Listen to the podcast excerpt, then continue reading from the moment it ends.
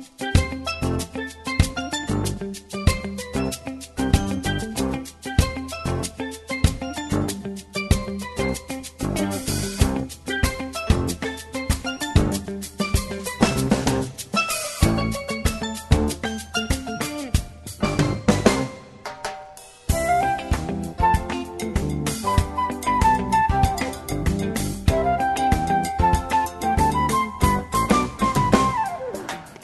Velkommen til sendisene av Bildjelangt her av Lindene. Og verstre det er Simon Absalonsen, og jeg Jekon Sunde Danielsen, han stender for teknikken. Om en av løte så færre vi at uh, skifte år vi en gest. Men er det så vil jeg gjerne lese ur Salme 92. Her stender, det er godt å takke herren om, sindja navnet hun lov, to hin hakste og morgenen kunne jeg nøye tøyna om nottena trofeste tøyna. Vi tog ikke strandja av sittara og vi harsbo. Vi strandja la ikke av sittara. Så du har jo glett meg ved verset tøynen herre, råpe av glede om det, og i hender tøyner har vi gjørst. Hvordan står er ikke versk tøyne herre, Sara djupar hoksan tøyner. Skila det som jeg har fætter til ikke, da er en skiler ikke slukt. Ta i godleis grekva som græs og alt det gjør året blåma, så er det bært lavrøyt vi alla. Men det var høver til av jeg tøyer her. Så fudgjenda tøyene her, ja, fudgjenda tøyene tar gengar til der, öll som gjør orat for å sundersbjall. Du lytter hodden mot som hodden vil tarsens. Du hadder fesk og olje divu med. Og eia mot hikker vi frøya fudgjenda møyner, øyra mot høyre vi glegi men røndu røysa seg mot mer. I rattvise grør som polmen, han vekser som sedrestreia Libanon. Teier planta og hus i herrans, grekva og i forgåren gods okkara. Enda grahard ber det avvokst, til er sevjeruik og grøn, til å vittna av herren er rattviser. Han, kletter moin, han som ønsken av ratter er tja. Og vi får nå høyra sannsyn, Guds nei med ber, og til er trippel tri som synger.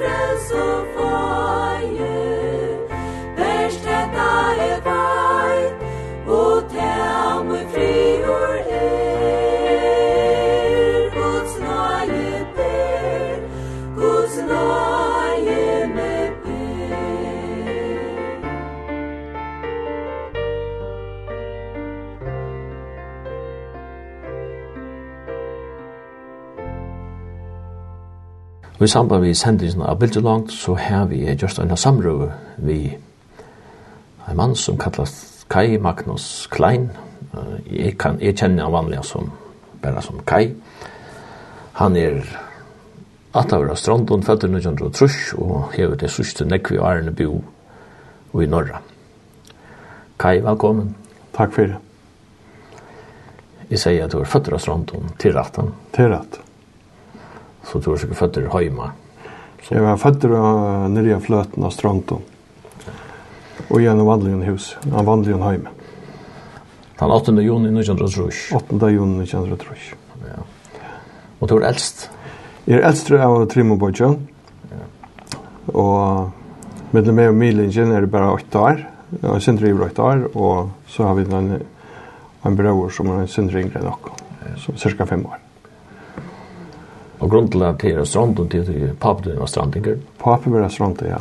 Han var, um, han var uh, soner til Karl Olsen, spinneren av Snaldene. Og så vi bo vi tog jo ikke noen her de første åtte årene av Løgne Jammer. Da du sier åtte her, så er du, så er du vel ikke skuld av stranden? Jeg gikk første klasse av stranden, ja. ja. ja.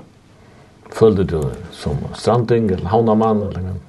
eh nok så splittar är det nog jag fallde meg nok mera som en stranding i negvar men det var inte skvätt kan kalla meg för nu men men men st stränder hever alltid varit nær, og er alltid när Men det flyttar til flytta så till havnar. Vi flyttet til havnar i John Rottrush.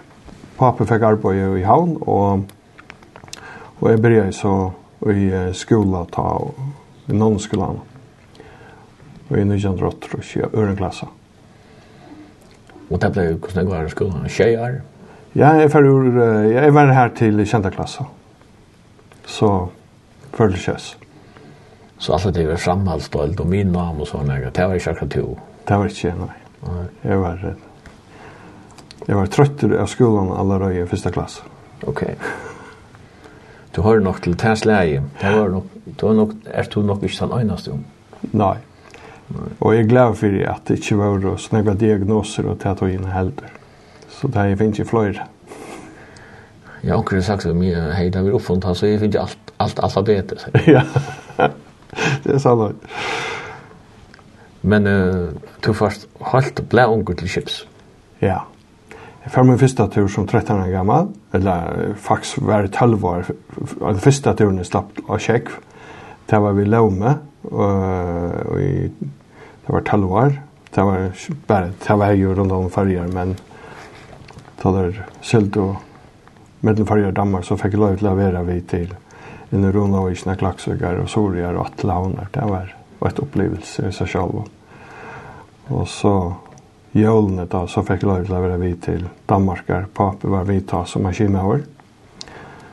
Og som 13 år gammel fikk jeg lov til å være vi gjennom. som var gift i Mostmunne, som var større med over om bare i kjipe, og, og skettfisk, og, og fikk lov til å være vi her två måneder. Så, men da var jeg 14 år, så ta gavst i skolan og fikk Luslands, i Havrinne og Strandon. Kvart här var snelle bader. Det var snelle båt, ja. Det var håndsneller, Trutja maler. Man hör jo nek om uh, menn som förde chips 14 år gamla. Men det är ofta för uh, for och nek och nek och några så igen. Så det är, vi der har oss alt i halvfjersen. da. Ja, vi där i, i fyra halvfjärs. Og som jeg har skilt, så var jeg nok en av dem og favo som, eller en av dem sørste som, som, som fikk lov till att gevast i skolan, i barnaskolan. Eh, det ble nok uh, lägre sett om det här togene å få at alle skulle gänga till utkita klasse. Eller nutjende. Ja. Så det kost 13-14 år gamle dronjer på skip som dekkar det. Jeg vet ikke om, jeg vet ikke om hver badnaverden jeg kom på. Jo, det er nok kommet. Ja. Og, ja. Det er råkner vi det er ikke vært så populært. Men du blir så ikke forskrekt av kjølen, no? Nei. Du, tr du trøst trøster kjølen? Jeg trøster kjølen, og ta, ta, ta kjøver seg givet seg etter en vik, og til trim døven en vik, og så ta vær alt til lei. Ta, ta, ta gjør det ikke. Ta vær, ta vær frisk resten av turen. Men jeg har kjøversk. Atlanturen, onkur hei kjøversk Atlanturen, og ta, ta var ikke noe lov kjølen. Men men checkar blev ju stött arbetsplats som vi resten av lönen. Nej. Eh det var nog en bekymring fra foreldrene løsne at jeg begynte å drekke nok så tølja. Og pappa ville nok, yngste nok at, at uh, han heier mora og et det är meg i kjøkken til togene. Så han, sett, han fikk en kontrakt ved, vi uh, Kibasmin i havn hver jeg får i lære i Kibasmøy. Det var som 16 år gammel, eller hva? Ja. Så jeg begynte i 6 år og av Kibasmøy i havn, og lærte så her i fyra år. Så du arbeidde under Palmor og Knivin? Ja. Var det en god tog?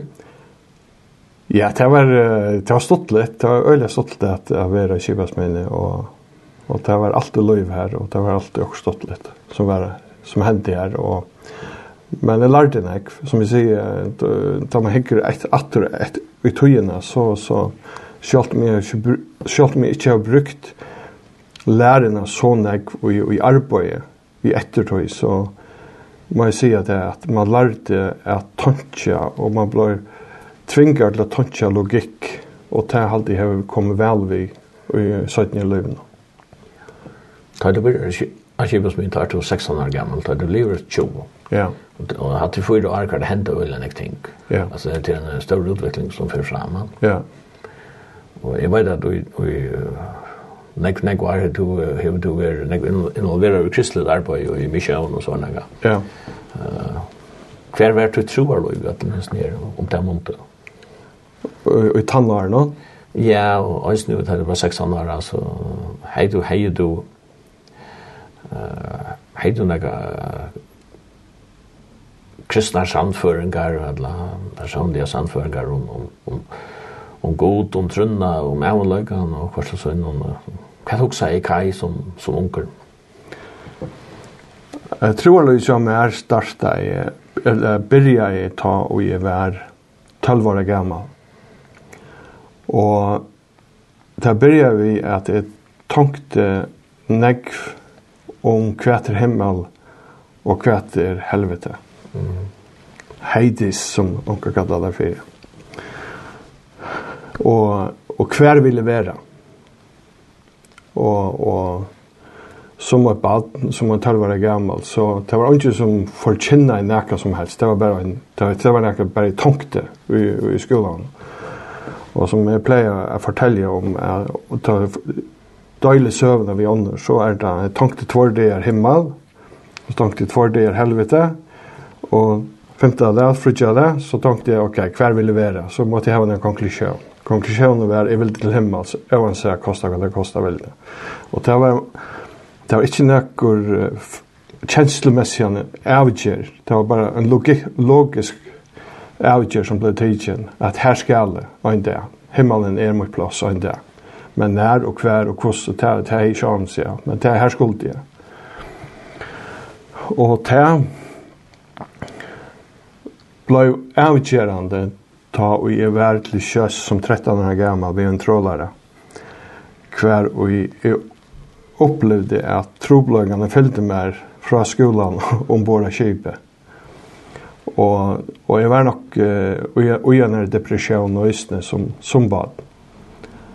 Og hver og jeg ta valgte at takka liv av meg selv. Altså, at nu, nå skulle jeg gjøre gjøre gjøre av meg selv. Så jeg planlegde så er sånn at da alle mennene var ferdig ved kajtjene og betala av, at jeg skulle få atre kjipet og så hiva meg ut. Hvor gammel var du? 13. Og da jeg klatra opp av lønningene, så hørte jeg en røp, røpa kaj av meg. Og jeg trodde av kjiperen som røpte av meg. Så jeg hukte frem etter og sa at kjiperen stod og tog seg i telefonen og hukte faktiskt framåt så det kunne ikke være han som røpte av. Så gjør det en av prøve en av rett rett. Og så kom rødden atter, Kai. Hver atla du har vært vær, i Amalagam. Og så sværa jeg atter, Du, jeg, jeg sværa jeg bare atter, Lykke hardt som, som at rødden kom. Jeg sier himmelen. Og rødden sværa i så atter at så gjørt vi kjetter. Og hetta var så kraftigt opplevelse bare fysiskt, mentalt, at det, man riste fra innsyn i av. Og jeg ble så forskrekt, og jeg, jeg tror nesten jeg ble, at dette var, jeg var ferdig, ferdig, jeg ble så akkurat. Så jeg var nere med kjøren, og faktisk la jeg hadde, og och och husmotorn bara för å få det til ur ur hödden att och ta tog några minutter så för jag lägga mig och sova och och ta ta blev så till att uh, ta blev en process ifra att att man börjar bevega sig inn i möter till kristna trunne men det var mer mer overbevist enn det var bevust. Men du har også fortalt mig att du har varit bönarvald. Det passar. Amma min var uh, en tryggvande. Hon var uh, hon var uh, hon är bio i ödlar om att hon har ett fax och ett missionskall. Och och hej bio om att ankra henne skulle färja ut i mission. Och och det blev så när att att ta upp det här, för när jag blev blivna tryggvande att, att hon är bi i ödlar. Men uh, hon har ju inga tryck på det att det var Kai som skulle bli va. Men att han som skulle bli ut med tjejen till det. Det passar inte in. Kai, Kai var som man säger sorte för i familjen. Men uh, det häng, uh, häck ju vi. Och, och hon var min, min stol i ödlar till hon får härifrån. Ja. Men... Uh, Du er så stadigvæk til chips, og lukket til du er 16 år. Ja. Jeg var, ja, jeg førte så til Østland, så i fyrre og græs første tur vi, altså da, for ur skolan som i kjente klasse, og førte så til Østland, og var vi, vi vi har frenne ta i sommeren 1974 og sommeren 1975. Og inni middelen her så arbeidde jeg i landet. Ja. Uh, Men henne her dramatiska hendingen der det var 13 år til du att lägga tega, som man sier. Lui egnar hender. Ja. Tar tankene kom så ikke atter? Nei. Nei. Nei. Det var, det var lukket som, det gjør man ikke fløyre. Du er tidsen her, du vil leva. Ja, jeg vil leva, ja. Sjalt om, sjalt om man yngste, altså, alltså det vill säga att depressionen för veckor, men hon, hon var det vi hon var det vi i flera år och faktiskt inne i 20 år i Östna. Men men processen och i ödlis i åren, jag menar i tjej av fjärs. Alltså jag blev tryggvand i tjej av fjärs. Alltså kan jag säga, kan det bli född av nutjon. Och, och i hejande bön, alltså jag, jag, tos, jag tossar vi god alla sommeltöjna. Och, och, te, och det är av att man döjligt av ifall, liksom, ganska särlig i det kanske ta vara mer än normalt att man folk tar sig vid god eller bor till god. Och i det är det ganska så, så vanligt. Men, men en eller orsak, utan att ha lärt något som helst om god, om höjda gods röd, så, så har jag en, en naturliga en naturliga ett naturligt tåsvän kvann där. Och, och Jeg minns den här för tjej av er så sier jeg, okej jeg jag vill bli fødder av nutjon hvis tøtt år er rett og satt, og så, så, så vil jeg gjerne, så vil jeg gjerne at det blir fødder av nødgjøn. Men da vil jeg at da skal alt løy brøydes. Og dette var i april, og så sier jeg, ok, ikke før 20. eller 30. juli. Så jeg skulle liksom få avlasøk november til året. Det måtte jeg ha med meg. og og, og avlasøkene kommer, og Og, og jeg drakk mer og mer, og på fotler og fotler, og til enda så vi tog at jeg gikk til resten av etter augustmann og østene. Men i alle her så opplevde jeg at at god tala til meg og sier at vi til har en avtale, og jeg alle mer halde avtalen, hvordan gjør vi det her? Og for jeg gjør en lenka søvestått, så hei jeg lærte fra ommene. Omma hei fortalt meg at at da Jesus kommer at så kommer han fra Estre. Det er spurt hvor alle All vant, kui da all sad kyrkni av strandun, kui sida all og hitje med åter Runavik. Så ikke bare kyrkni hikker etter Runavik, men all som ikke kyrkjarne hitje inn i Runavik. Så sier jeg, ja, men Runavik hatt er med åter Estre. Ansikt skal alltid være med åter Estre, og det er her Jesus kommer at. Så det er kvalde, så fyrir jeg heim og baktekne og venter meg med åter Estre og sier, her er jeg. Mm -hmm og opplevde at en kraft som enast kan fortelle, altså, som er at det er godkommen en rom, en, en sovekammer. Og, og det var så, det var nekka du så med kraftene som jeg opplevde ut i rødden i hørte, men helt annerledes hesfer.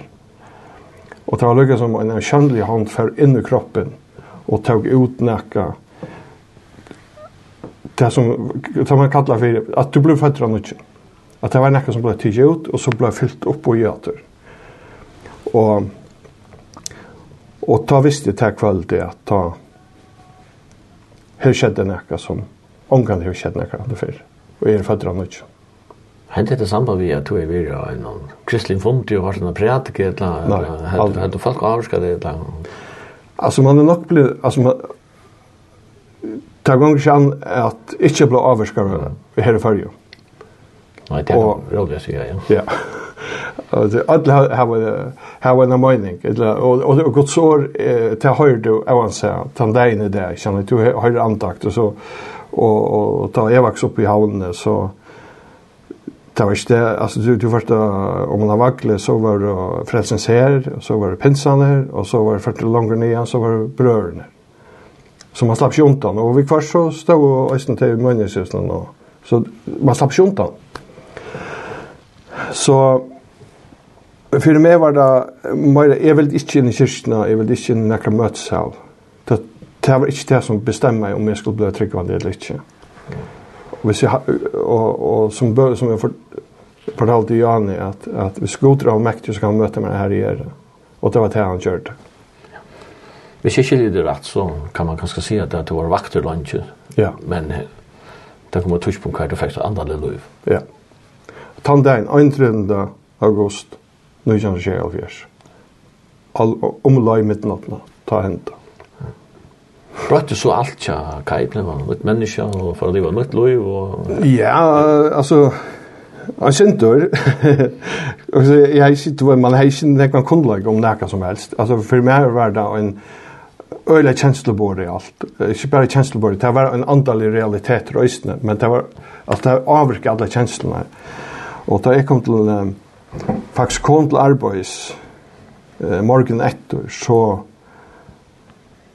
så satte folk og ta ta satte folk at hva hva hendte vi der hva hendte vi der ta lyser av der til til også som hent og men var det onkel kollegium som sier det vet du? ja Sonne Paulsen, minnes det, som er veldig trobar ut i Papua New Guinea.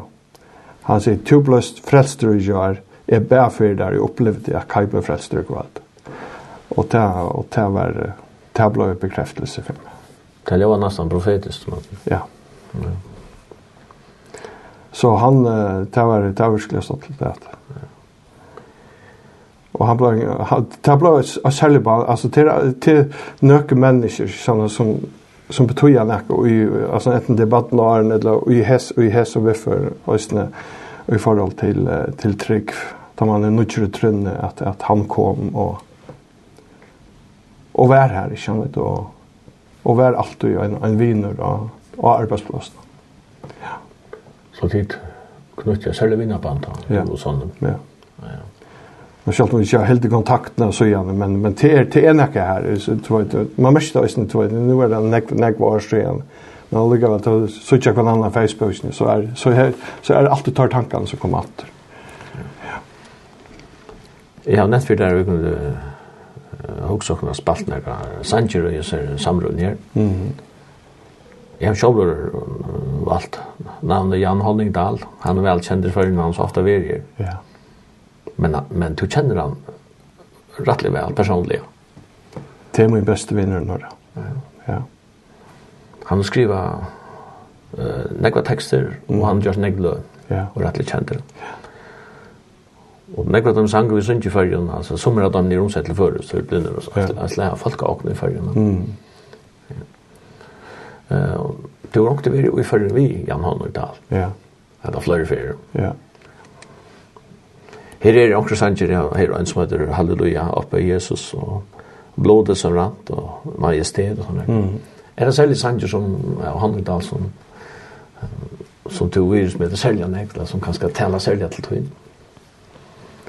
Uh, alle sangene kjøy han, her var betøya nekka fyrir med tøy, ta i an, altså majestet er er kanskje han som er mest kjente, ødelen norra, ikke, men som har haft øyelig avvirkan av åkken ødel, som var kollega vi han, og er kollega vi han, at, at, at, at jeg har gjort et, et særlig inntrykk av åkken. Og at, ja. Jeg halte vi færa nu at høyre da sangen som heter Majestet, og år, tekster og det er gjørst av Jan Holmdal og til Øystein han som synker.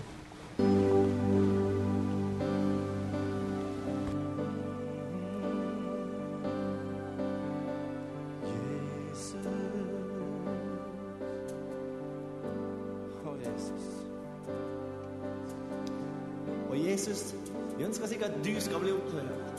At du skal bli æra. At du skal få den plassen som du fortjener. Du som sitter på trona. Du som har all makt i himmelen og på jorden du som är vår majestät.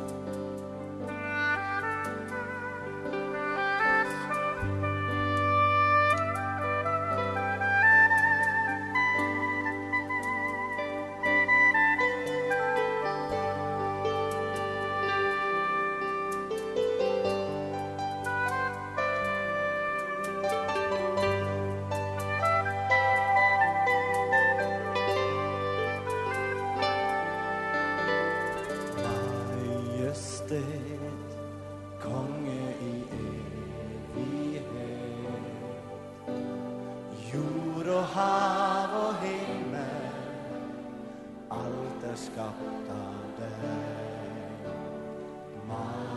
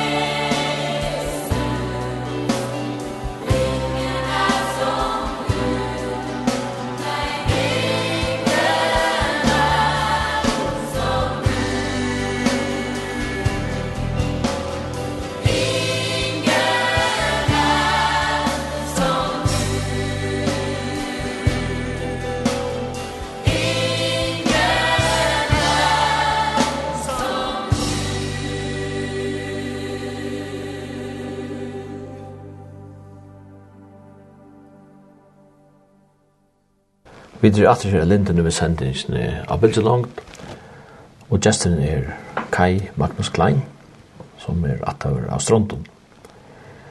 Kai, vi drir kommer fram til Arne Kjell Kjell til å høre finnes et nytt liv. Du kom til livet livende personen og trygg på Jesus. Mm. bare Torsen og Kibas mye og gav vinner her. Mm. Men eh, det som jeg kunne også har spørst er hvordan var vi tror at det var noen, så fanns du, fanns du der en annerledes familie. Mm Ja, alltså man var på en måte man kjente jo folk, og, og jeg kom jo vi, eh, jeg ble jo spurt om å være vi i Strøndjakaren og i Havn. Og, men eh, det var, men sangen var ikke akkurat mitt, mitt første valg. Men det var i ødelen for nekka som, det var nekka som tøk seg av meg i, i begynnelsen, og Og Benelli Dam, som er frelsen av herren han var en viktig person til å ta inn. Og Bojans er Erling Dam. Og så det var en, en vi var jo noen som møttes ofte nere i av Kjemmasøvn i han til å ta og Det var alltid antakt Kvann, det var hver kveld så var det antakt der nere, og da møttes vi der nere. Så det ble jo på en måte en, en fellesskap og i tog i østene til å inn. Men eh det börjar nog att att dreja och syndra ut. Eh och man hejs lika som jag hejs några mål eller att det länk och alltså hur man uppför sig i sån här sån tror troa balken och så jag hemmet uh, sträva finna mig fram här och så så det var ett eh, kom det få mig en för att just snaps rörande för uh, lövelse och så art och ta fikk jeg beskjed om at det kanskje ikke var det beste å gjøre. At man lukta i at man lukta i sp spritt da, da man kom til sangøvelse. så så där gavs det så vi så men røyja kom til. Det, det var lei. Og det gjør du sen där. Där gjorde jag sen där. Ja. Men uh, men så så så så skleit det sen ut uh, det var inte man faller fra alltså så tryck vi var här och och och inte jag var här till ett för till hej etter starka upplevelser känner. Men så var det eh några som hade varit av, av bibelskola och i norra och och i ungdom i uppdrag där gjorde the mission och och hette var så Harald och Sven Haraldsen som uh, og, og Svennel kommer jo av og hon er finnes jo høyre, at Kai var blitt frelstur. Og hette måtte gjøre snakka vi. Og jeg har hørt øyne til at jeg var, var gli øyne uh, affære, eller som takka for meg. Men så, så, så, så var det ting som hendte som var lukka som onaturligt eller som som ja det onaturligt eller det var det var uh, mirakler ut i ösnen att hon träff med uh, ut av ut, ut av det blå och och och började tossa med mig och och jag knot där så så för folk igång där be för mig och och och och hon tog tog sig så av mig för att sedan Tjena länka sövstått att bjóa mer heim til søgn og saut, vi saut rundt om kaksporet og teg eh, fortalte mer tinker bøyblene, hvordan livet som en tryggvande, hvordan arbeider vi tingene, og, og, så, og, og begynne å kjenne seg selv om østene. Og, og, og, som, og i døgnet det så, så vokser en bøn og et, og et skriftsteg østene i meg at at Kristus har sett igång fröjd och ta och ta ängstige. Det var den näka som var innsynning av mig så var det bonden upp och eller bonden nyer. så att um, att ta och, og ta sett mig som et mål att jag ska uppleva att jag ska ha så fröjden som Jesus lovar. Jag vet inte hva det är för näka men jag skal ha det. Kosta hva det kostar vi. Og, og til lærte til meg hvordan byrja å sette navn av noen ting i løyvene og bearbeide ting. Og så fikk jeg også privilegiet privilegie at, at, at jeg kan være av sånn til den herfen. Mm. Og til å være min første kristne tjeneste, for jeg sier det på den måten, at jeg går meg til alle det, jeg takker være av en sånn som, som trongte til hjelp. Og, og og køyra takkande bilturar og og ta gjørt nakka við meg eisini og og mot og mot hjartaforhold og mot eiga til mennesker som ikkje har det alt lukka godt at at jeg tror ikke at det og det var ikke nekka sånn naturlig for meg altså som som typa som menneske men men det gjørt nakka við meg og har gjort og det er sånn avvirkan av det ene der Du er ta cirka, seijan, ajan, ajan, seijan, ja, for middelen seijan og ajan, ja, ajan, ajan, ja. Du så køyre kors, men teker av noen, noen spadrund vi avgjong og sånn her. Ja. Følte du til Jordan ordentlig nekka vittig, antallet? Antallet, ja. Altså, antallet og i tannforstand at at vi at taka hånd om mennesker som som trønja til hjelp, at alle mennesker har et vire, oansett hva for avbjørnger de har, enten det er psykisk, mentalt eller fysisk, til alle er lykke verdifull, eller hva så heter først, Ja. Og han blir for lønnsjøtt. Samma vire. Samma vire, ja. Og, og og te og, og te nekka man må arbeida við intellektuelt og man må arbeida við seg sjálvum út i øysnet. Man hever alltid holdningar enten det er enten det er mennesker som er annerledes enn vi på alle måter, så er vi nødt til å komme her til at ikke å døme et menneske til at, at, at, at hva er menneske vekker fra oss. Jeg var så hver det er, enn det, enn det har psykiske, fysiske, eller har ære farver, eller hver det er så er det, så trenger jeg deg til å bli til å ha et vire i for gode, og det har et vire. Mm. Och og och ta det är nok det som ska det skilja det så att att ta to du fikk et andre litt hem det var for ganska först og främst en familj som blev till og, Ja. Ja, kanske inte inte först og främst en samkomma og så kör vi. Nej, alltså Och det er, och vad ska jag säga det är utfordringen. Alltså det är en utfordring alle alla altså Alltså er det manjhet. Ja. Och jeg, hade Jesus han han definerer det gott sjálver. Her som två till att i samleie. Og vi, og vi var ju öten för det tror. Eller fyra, fem ofta, känner. Men, men det viktigaste vöxteren som er, og jeg tycker og ta vis i ösnen hva säga kanningar som er är der innanför uh, kristenheten at, at uh, vöxturen som en människa ofta er utom smav och forholdene og gjør en heime og gjør en gruppe, middelen mennesker, eller middelen pør, eller middelen at, at, at samtalen her, det er det viktigste, og, og det er små gruppene. Det vil si at uh, familien har altså, det ble lukket som foreldrene til der, her, andelig. Ja. Og det var det vært, og det er en vinskaper som, som du ikke han är här, han är bare här och och och det är det som det är en familj. Det er min familj og ist, ikke sant? Og Och det är det var det er min närmaste og och Guds familie, ikke sant? Kom så Østene til uh, Kristelige fonder. Ja, ja, så vill lite och med Tesla man sjunta. Men det och det var det som var som man har tänkt i eftertid i Østene, Det det som var så gott vet du, det var ett så små fällskap när så at man att horen kör här alltid var öppen. Man kunde alltid komma in här. Alltid velkommen. Men så är det var det husmötena. Och och og tja sälja tja som var en för vikene, och og det var viktig, öliga viktig i øyne, det visste du inne. Och så var det det stora mötena. Och hette det at han tog in Kristus Sverre er er i sin välmakt og, og det første kjaldet kom om det togene og østene. Og, og koma til de store møtene, enten det var Kjaltnen, eller det var når jeg solgte i Gloria, eller det var i Sori Sore, eller, altså man røste bare. Eller Vestervåen, eller Sørvoks. Og koma ut, ut til de store familjerna. Det var liksom, det var festen. Men det viktigaste var til, til, til små møtene, det var her det hendte, og det var her brøydingene skjedde i, i munnelivet i Atlantarien.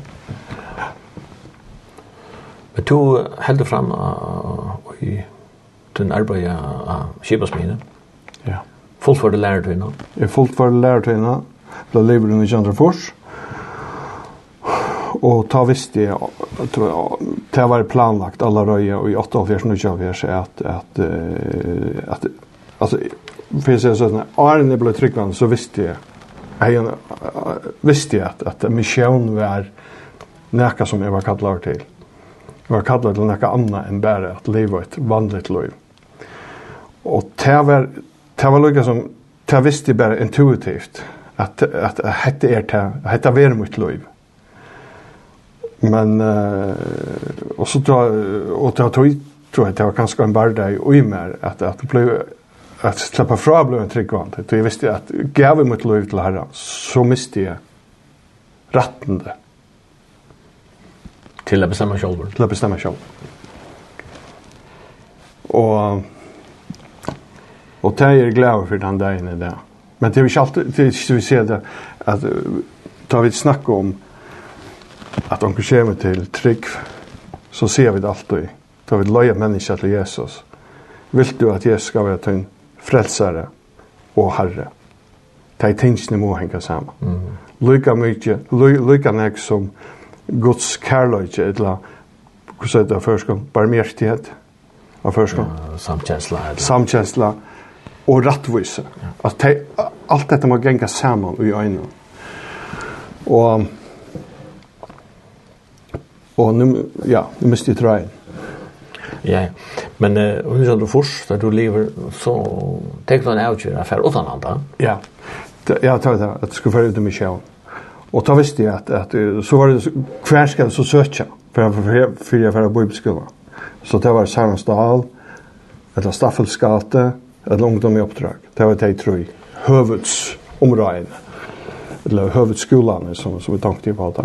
Men det enda så vi ungdom i uppdrag, det var en allt organisation och det passer ganske mera in i sjónuna, eller sjónarmiðni som jeg har utviklet i kjøkken, altså som som blev naturligt för mig. Det är en en altsjøorganisasjon som er økumenisk og som ikke bruker seg om hver du kommer fra. Tror jeg meg selv så. Og det stående av Lorne Cunningham, for det kan ikke være så gjerne. Han altsjøorganisasjonen var jo en. Ja. Og han, Dalden som er i Norra, hun er i Lærsen Tukoms, det var i Hamar. Det var i Hamar, ja. Alltså Hammar eh teater Grimröd och här um, är hövets har satt i där eller var vart hövets skrivstovan och och centret kallar det där var bibelskolor och hövets skrivstovarna. Men så då i eh ta jag kom här så var det bara två stöd. Det var Grimröd och så var det ett ställe som hette Eintro. Tälla upp tälla upp i, i uh, Tröntalsfjärden. Så her gikk jeg på bibelskolen. Et løyte sted. Hvordan langt var du her? Av bibelskolen nå? Ja. Nødvendig mann. Ok. Ja. Og vi er av uh, Oslo Løyen, ja? Og uh, bibelskolen var oppe i Trøndheim. Og han var på Trøndheim? Ja. Ok, helt her oppe. Ja. ja. Det var så lukket som til første møte vi i Norra? Min första möte vid Norra var i 1994. Okej. Okay. Ja, ta var det ferie i Norra. Mm. Och ta var det faktiskt agrimer ut. Och ta nog att annat här så var det avkänd tisen att det var här skuld. Ja. Eh och vi var och ta ösnen av Hedmarstoppen. Eh vi var några ung som förde till Norra ta i ferie och Jeg minns de stod i Hedmarstoppen og og så ute i vår mjøsa og, og i vår alle marskjenner og, og i innlanden som det, som det øyder i det. Og jeg minns det bare innan bøn Jesus, hvis jeg nekker han skal fly til, så er det her jeg vil bygge. Og faktisk 28 år at han så fikk kjøpt en hus akkurat her som jeg stod. Så du ble nesten normauer? Jeg ble normal, ja. ja. Men du er jo norska røtter, ja? Ja, norska røtter, ja. Lenga på min eh, kom ur, ur norra, ur Holmestrand. Og det som er avhåverst til det at han eldste sonen kommer i flottor. Ikke så lengt herfra. Men svavranserne bor i Holmestrand. Og en prestager som ikke er så lengt ifra her som lenge på min kom fra. Han kom til Førje? Ja. Han kom til Førje. Han var av Vetloslands og enda i så av Lengasande och var vi till att börja och starta och börja i her här kvällstöna och i vi Janare, samma med Bojasen och en öre norrman. Ja. Och fick förska konen. Fick förska ja. Och fick 13 barn, 12 eller 13 barn. Och stor familj. Og det er som man säger tutt upp här. Det er mycket upp här. Ja. Så i har norska røtter då Ja. Men uh, Tur tur också är störst, tur också är internationellt kan man säga. Tur är näkva stämma. Ja. Men tur också för allt mer att att tur vill styrka till enska. Hvis man hvis man i alla just kan eh röka ut så så man man också då ängst. Ja. Måste till man inte längt väg. Nej, självt om det gått smal. För nog, för några år. Du gjør det, du, du tok oss avgjørende affæra til England, og at uh, buset, eller bygge her, uh, en tog pura ensam alle føringer, og i en ensk og ungkvar, for jeg får en, en effektiv, effektiv måte å lære engst på han. Ja. Når var det? Det var i, jeg fer i til Englands og i Tveifors, august Tveifors, og fer atle norra og i, flott i atle norra og i Trøyfors, juni Trøyfors. Så det som gjør det, det var hvordan skal jeg lære åndkjelst. Det beste maten er kanskje bare fære av sted, og så eh, bor jeg en familie, en preste, og han er en han bjør meg inn, og jeg fikk lov til å være her, og han er tver døtter, som tar var tver lille jenter, det var 20 og 12, eller hva det var da. Og det lærte meg engst, og, og Så det var att vara vi och i familjen, det var det som jag lärde. Här som jag lärde hövud. Och läs jag fälsle vid synare av ösnen. Men det var maten jag lärde angelstå på. Men det var inte den första som säger det. Att den bästa maten jag lärde mig på, det jag snackar med bötten. Ja. Och det var gammal lärare. Men så ta två månader Arne flott i till norra så lärde så förr in och så var jag en skola, en normal skola och för jag finner inte hver det var stator och och och och och i malen och ta och ta det som jag finns inne i tutsch månader det är faktiskt det samma som man finns ju i tutsch år och skola. Ja. Alltså Vic Jacobson, hur det här? Han var en prästor eller pastor, baptistpastor og som var kommet ur fangstle, altså han har skrivet en bok som heter From Prison to the Pulpit. Mm. Og han er faktisk virkjent han der inne, der. han er tro i forrige for så gammel, og er virkjent faktisk inne i Ukraina i det. Okay. Ja. Og en evangelister og pastorer og hever, hever haft større avvirkan av nek mennesker. Så han er et, et, et ett livande vittne om kraften og i evangelien. Absolutt. Så det er nek folk som har møtt her, som man sier, ja, ja.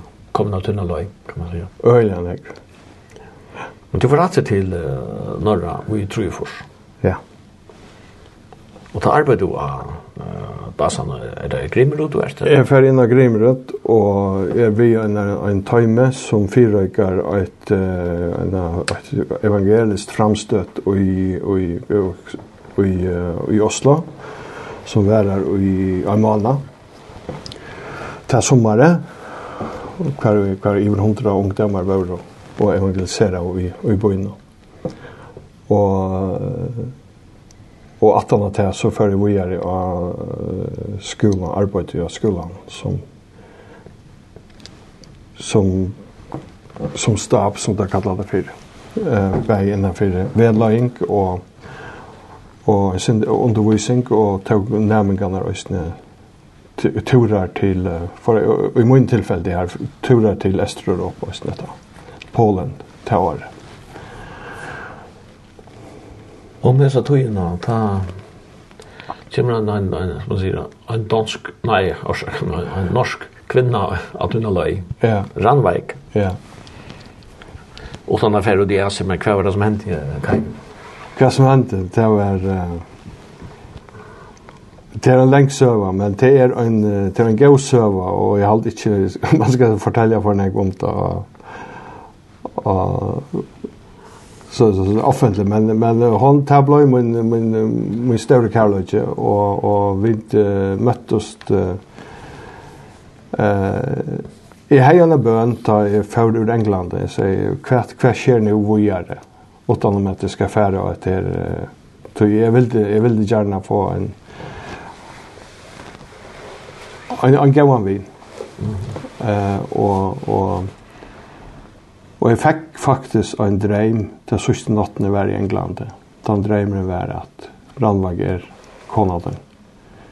Og, og jeg, som jeg sier vi herren, at jeg får ikke til disse damene og fortelle for henne hva for dreim jeg har haft. Det må hun finne det av selv. Mm -hmm. Og så fikk jeg et år og øyne at det var at han som tror hever han kan hast.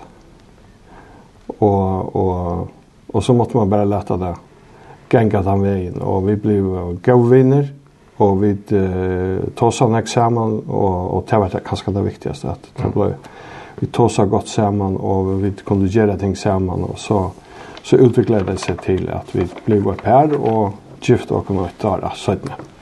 Och vi där var nu gift kött och mycket trött var. Ja. ja. Så det gift och juni var för fors. Ja. Men eh, till det här var det bo en och tog i färg. Ja, det har vi. Jeg bor i Färjön i um, Fyrefors. Jeg kom i oktober Fyrfors, og hun kom i desember Fyrfors, og vi bor her til desember Femfors. Okay. Ja. Så hun prøver, han sier du? Hun prøver Färjön resten, ja. Men de får så vi er? Ja, jeg får så vi er, eller vi får vi er uh, til Danmark her, hver jeg leser i et halvt annet år. Uh, jeg tror at jeg var ferdig ur skolen så tølja, så, så så måtte jag ta några fag och, och få det. Checka framåt stolt och fick, fick, fick några fag i, i så vi har sett på dem. Så du går sen HF? HF, ja. Ja, ja. med Danmark. Ja. Så det är bäg på följer och Danmark. Ja. Men när är bäst, då? Norge är bäst. alltså Eh Jag vet inte hur man ska säga att det, det är lika som eh Nordra är ett land som Alltså jag följer mig öle väl hemma här men alluga så följer mig hemma här alluga. Mm. Jag följer mig hemma för men jag följer mig hellre hemma ju. Jag känner så så man man är nog så rotlös på på på på en, på en måte. Men jag omskilt mig vid att man gör sig tid det inte är server. Men tid det är how it home i himlen känner. Men jag trivs väl i jag har trivs väl i Ötlund som jag har gjort och alla ställen här här här jag bor. Men då det kommer till stitches så är det några som är då kvar i följ med mest hemma. Ja. Du har haft det här tatta tid nu till ungdom i ja uppdrag eller. Mm. Gjorde du det missionen? Mm Og først for jeg minnes vi har samskjøtt vi det. Mm. Men det gjør det fem fors. Mm. Det samme vi at, at en støvna var helt nøyre Anders mm. i Danmark. Ja. Så en stor alt jeg støvna, så mm. gjorde det mye skiva i fyr. Ja. Og da var det sånn primusmotor for å få sånne føringer av stedet til disse ja. konferansene i Randers og ja. fem og fors. Mm. Det minnes jo i det. Ja. Og tog rekk overfor, så det ser ut som det rikker jo alt det der. Det gikk jeg vel, og, og jeg var nok så spent på det til at uh, ja, jeg har en bøn, ta jeg, altså, jeg bæ meg vårt, og i tvei for tre for, da jeg bor jo i England. Og man sutja føringar ute med kjøn, det var fast, fast bønner enn i heie, og i, faktisk i flere år, men det var særlig enn i England, hver i tabla, og mye vårt bønner enn. Og, og så knapple, og så, og så fejde där sen det tablå sen det veck men men så så knappliga och i och i en en och en dövra tøyma, minst har godt, sett tøyma som föräldrarna som og sett vi borde och så får i posten och brosjyren av go festivalen stävni i Randers kommer fram i sånt detta första go festivalen näkrant tøy. Og och i får bara och det när i hade jag man sier, nu skal du røysa rundt i fyrrjum, og så skal du fortelle om disse grovfestivalene. Selv om ønsken har, har haft disse grovfestivalene før, så kan du fortelle om disse grovfestivalene, hva er det er for noe. Så jeg røysa rundt i fyrrjum, og vi saman vid Randveik. Eh, Sørvei, vi var i Sandøytene, vi var i Klaksvøk, og i Estrøytene, i Havn. Og, jeg, og jeg heier en bøn om at herre, hvis jeg får 20 folk med meg, så er det så kanskje får en gauan prøys fra Smyrila. Og så endte det vi at at uh, jeg får om en smyrlein og tar gav en gav en prøys og, og så måtte jeg om man attor ta til det ble bare 20 folk, det ble 40 folk og så ble det 70 folk og så så vi gjør så vi gjør og det enda vi at vi var 125 som fører sted og det gjør det nok et øyligt så så ett intryck ett lat så jag det sätter jag stämpel av färger på på en måte. Och då det tog så vi nägg vi där och i och i okkar omkvarv i öllum förna. Det är Gofest och Gofest och Randers är ett referenspunkt ofta. Och och ta ta gjort det näka och i falske som var där då. Og det er og Og det er, siden da, så er det faktisk over 300 føringer som har gynnsi av en DTS, som man kallar det for en bibelskola, og i ungdom i oppdrag, eller jude the mission. Alla snem. Altså, og, og det er ser avhåvert, altså ikke kvært, hva som skjedde fra, vi var absolutt ikke det første som før, det er slett det men, men det skjedde nekka vi ungdomna og vi falt ikke Og i öllum balkon altså innanfyr brørnar, innanfyr pensanar, innanfyr lutherska og så vidare, så vidare, som fævde ut. Og innanfyr det karismatiska kjavilsle, som var mot høvestes, altså her som er vær. Men, men, men det hevur, det er stortla sutje det, og ikke atter da, og tåsa vi folk, hva det hevur betytt for folk. Mm en av høvsæderen her av festivalen i Randers og Filmfors, det var Lobos Palau. Ja. Jeg minnes at, at han har ta hei man av hette til føringar, om han møtte opp i en høtler, så inn i Randersalen. Ok. Og han gjerne prata vi av føringar. Og, ok.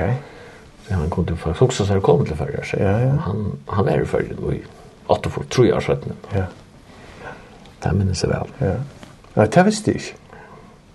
Det har vi ikke ikke med Så du kanskje ikke vil til steder? Ja, kanskje ikke vil til steder. De fleste må være en, en av forskjellens føringer inni her. Ok. Og han, han har en sånn, løttafond der. Ja, ja. det. Ja, ja. Alltid. Ja. Og jeg halde det til vi april 8 fors. Det er nærmere vi er i Randers. 5 fors. 5 fors. Juli, ja. Så knappt tror jeg har sett det. Ta, ta hverandre for jo. Ta henne store mødre her, og han fyllte bare utrosatlan på og grundatosatlan øyne, hvis jeg ikke minnes velskrift. Ja. Vinner ikke hadde Honningdal, Jan, han skriver nekva sanger. Ja. Han som vi synger rettelig nekva fyrir til er sangren Blådet som rant. Ja. Altså, til hun satt deg av Jesus her. Ja. Det er ikke han at han, han, han helser til kjadnen av kristendom. Ja. Altså hvor Jesus er og hva han kom til og hva han gjør det for dere. Ja. For jeg vil høre uh, Jan Honningdal synes jeg sangen blodet som rant og til år og le Jan Honningdal selv skriver.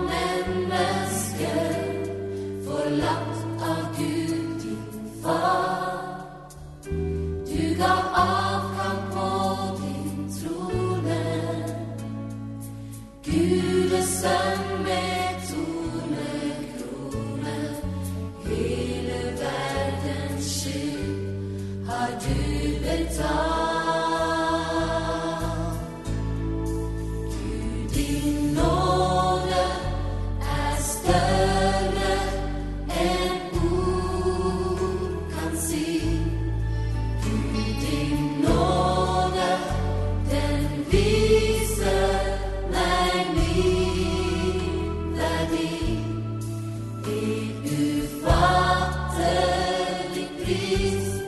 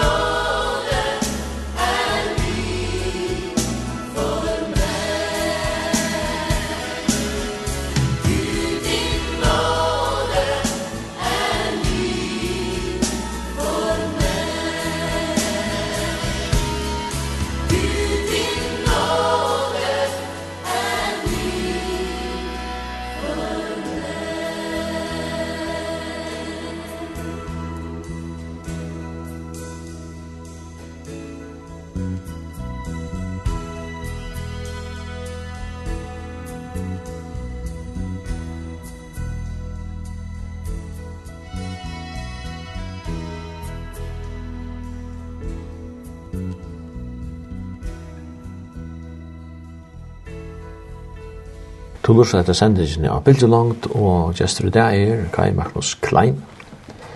Vi er ferdig sin vui om en til Kai, og vi kommer fram til Arve Tjeje fors, åtta fors, eller her i Kai, til de lio i Danmark, og og til litt atter til Norra. Ja. Hei, han kona du er atta. Ja, hon er atter, uh, hon er atta faktisk ur Bergen, altså åtta Bergen, i i norra, men uh, vi valgte å beie at flytta av, i innlandet, som det kallar det for. Hedmarken. Så, og her var det, du vet, vi hadde begge inn til bibelskolen og arbeidt her og alt det sosiale nettverket vi hadde å være, eller som vi hadde og bygd opp var i områdene. Så, så det ble naturlig for oss å være her og, og fære videre her. Så. Så jeg ble etter i ungdom i oppdrag ta, og jeg, eller, jeg på en måte være en parster av ødlån, alle tøyene, men uh, fullt og jatter og, og heste tjej i fors. Og, og började så arbeidde vi trobarn og, og i norra, og så tar vi som vi tar teg som vi hadde sendt ut, og, og det var mest administrasjon som vi arbeidde vi. Og så og hei en sindre undervisning av bibelskolen innenfor uh, Michel. Og så ble det mer og mer prosjekter som tog inn Jack eh, fyrrøykingar til nekka som heter eh, til Torstrøn, fakkeløp av norskål, kallar vi det for, fakkel 89. Eh, så det ble, det ble prosjekter innenfor eh, å sende ungdom ut i misjon, eller ut i disse stått og eh, korstøysene som vi hadde. Og eller sommarstevna vi hadde runt, runt om och evangelisering i Köpenhamn för exempel i Åttefors och så kom jeg til och i Nutsjefors vi Torsjön eller fakkeløpet, som blev størst, allt tjoa akkurat er rundt vi en någon så så det där först eh stafett eller? Stafett ja. Vi en äldre oj som var tändra faktisk i Jerusalem symbolikren la i at, at vi skulle ut i båskan om at laverna og tabla runde ifra, ifra Jerusalem og nere i Afrika, i til Asia, ivet fløyen i til Amerika, Sur-Amerika og Nord-Amerika og opp til Europa og imsklånden i Europa og okkara okkara eldur kom til Malmö og herifra tog vi den så opp til Norra og byrja i Trøndheime symbolikkeren var Ølår, den høyleie, Og så runde, vi, så runde folk fra Trondheim opp til Nordkapp, og så var det nok som runde av Veststrandene, nere Jøgn Veststrandene, og så var det andre som lå øh, så runden om man Jøgn Esterdalen og Guldbrandsdalen, og så eisene nere i Abamusøyen, og i, eh, som det sier, i Østfold og i Vestfold, altså det vil si, og Østersøyene, Oslofjøren og Vestsøyene. Mm -hmm og enda så alt og i, og i Stavanger resten. Stavanger Bergen ble så slått på igjen, og Sjøfelsle Oslo ble resten slått på igjen. Og jeg hadde vi det, og så, så begynte vi Go-festivalen i Norra, ta i H5-sene, i H5-sene, og kordet der Go-festivalen her som, og i tvei år. Uh, og det var, jeg mobilisere ungdom til mig det det var lugga som mot mot kall eller mot passion om tatuina. Eller ikke bare om tatuina det er min passion, det er min passion just men men det var lugga som konkret motor og animal. Det var ju grimrod i fem år. Ta var ut fem år, ja. nesten fem år, ja. Men det var bo är alltså i norra. Han tittar vi så norra. Vi har sjor några, men och i två år så flyttade vi till Texas. Okej. Og Och var vi i Merchips tatt och in åtta år. Och så får vi vidare till Hawaii. hver vi var i två og halvt. Kvar, kvar vi, och det var partvist arbete och östne studier, eh, läsning. Och tog uh, två moduler et innanfor nei- og utviklingshjelp, og så et innanfor løslo.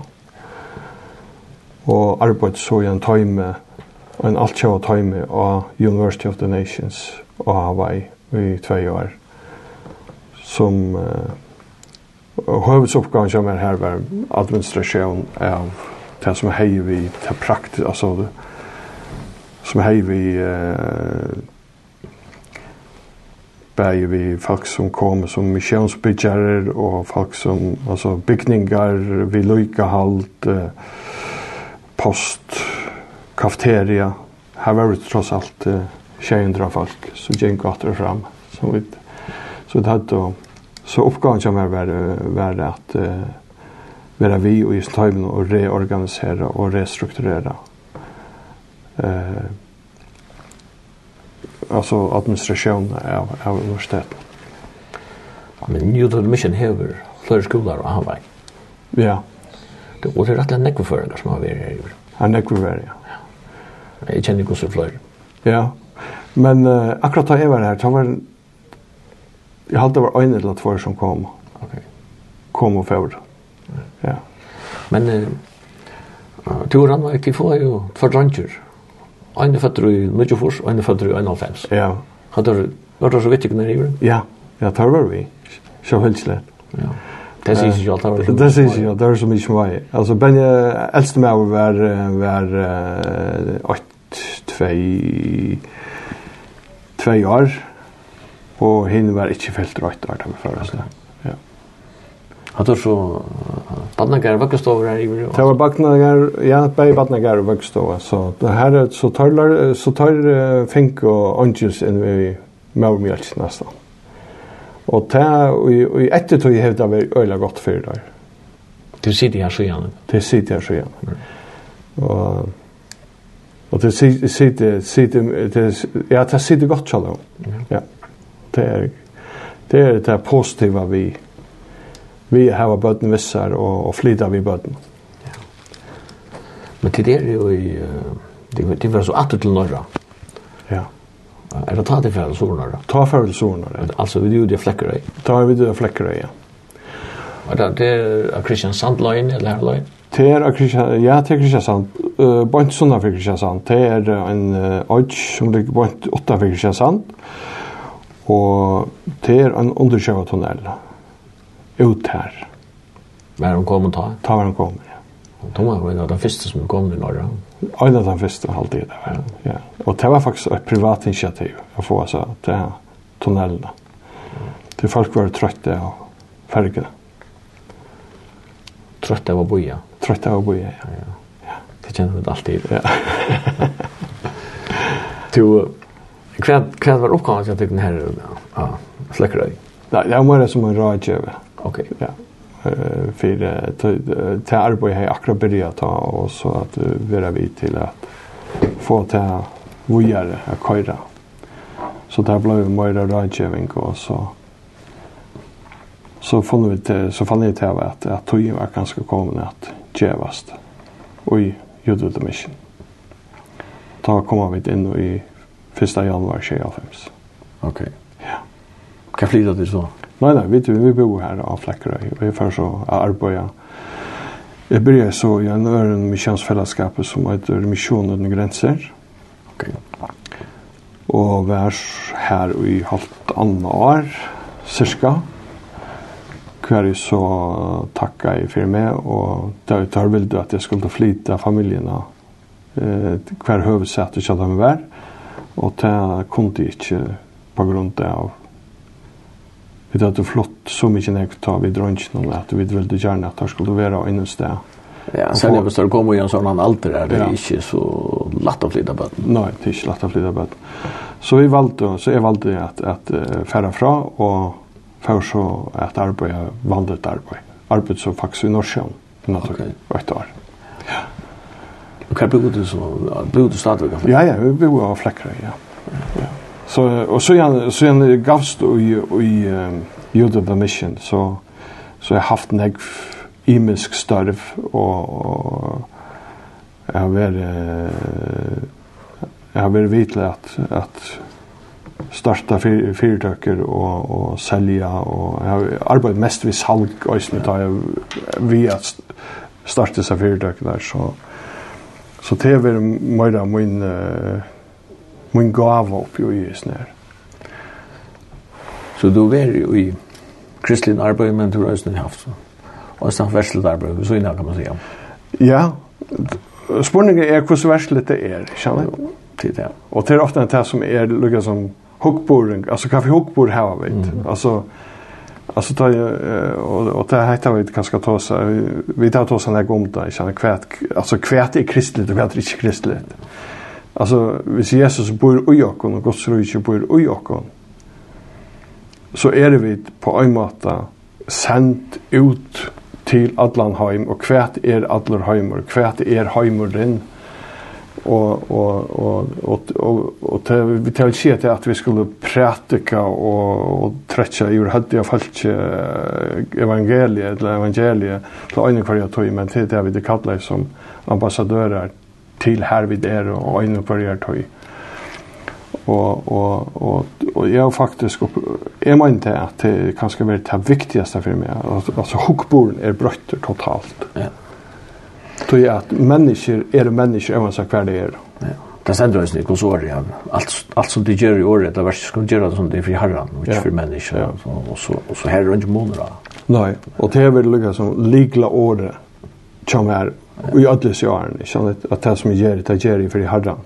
Og selv om jeg arbeider for et oljefelle, eller om jeg arbeider for en, et forbund, eller for en IT-bedrift, eller fyrtøk, og så, så er det for herren jeg gjør det. Og, og jeg er her øyne som en representanter.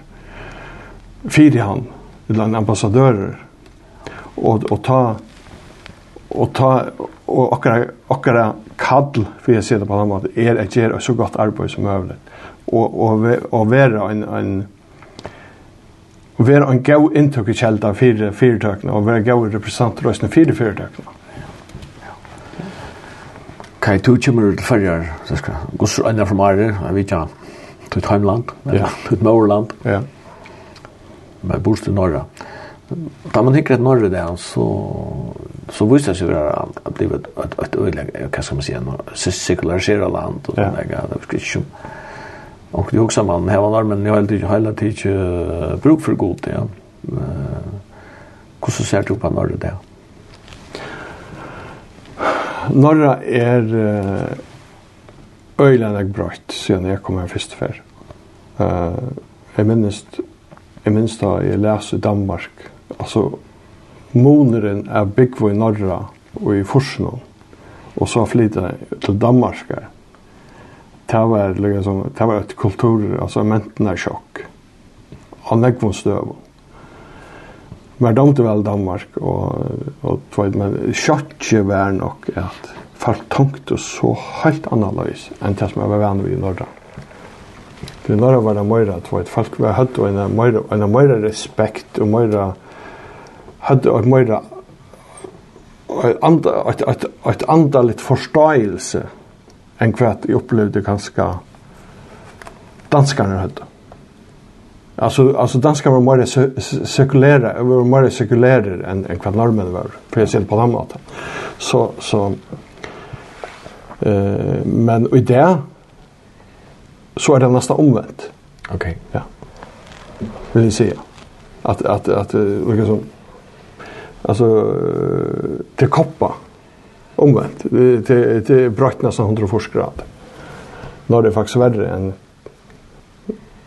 alltså cykel mer cirkulärt vid det än en kvack Danmark ganska nära till värld. Ja, som man säger danskar det har tagit att Men så ser jag så finns det för jag vet inte så att det spirituella att det finns en annan ver och allt det där. Det kan sig inte lugga på samma då norr det det är då så fällt det är en utveckling i norra vi vi vi alltså spiritualitet alltså det är alltså vi snackar mer in i en en en extrema liberala alltså riktning och och i norra i det. Som som är väl det är till extremt unekvon unekvon för jag vet är nästa det uppleva kanske vid vid Danmark eller något Men Det kan nesten brøyde oss i Norge. Så vil ikke det bedre.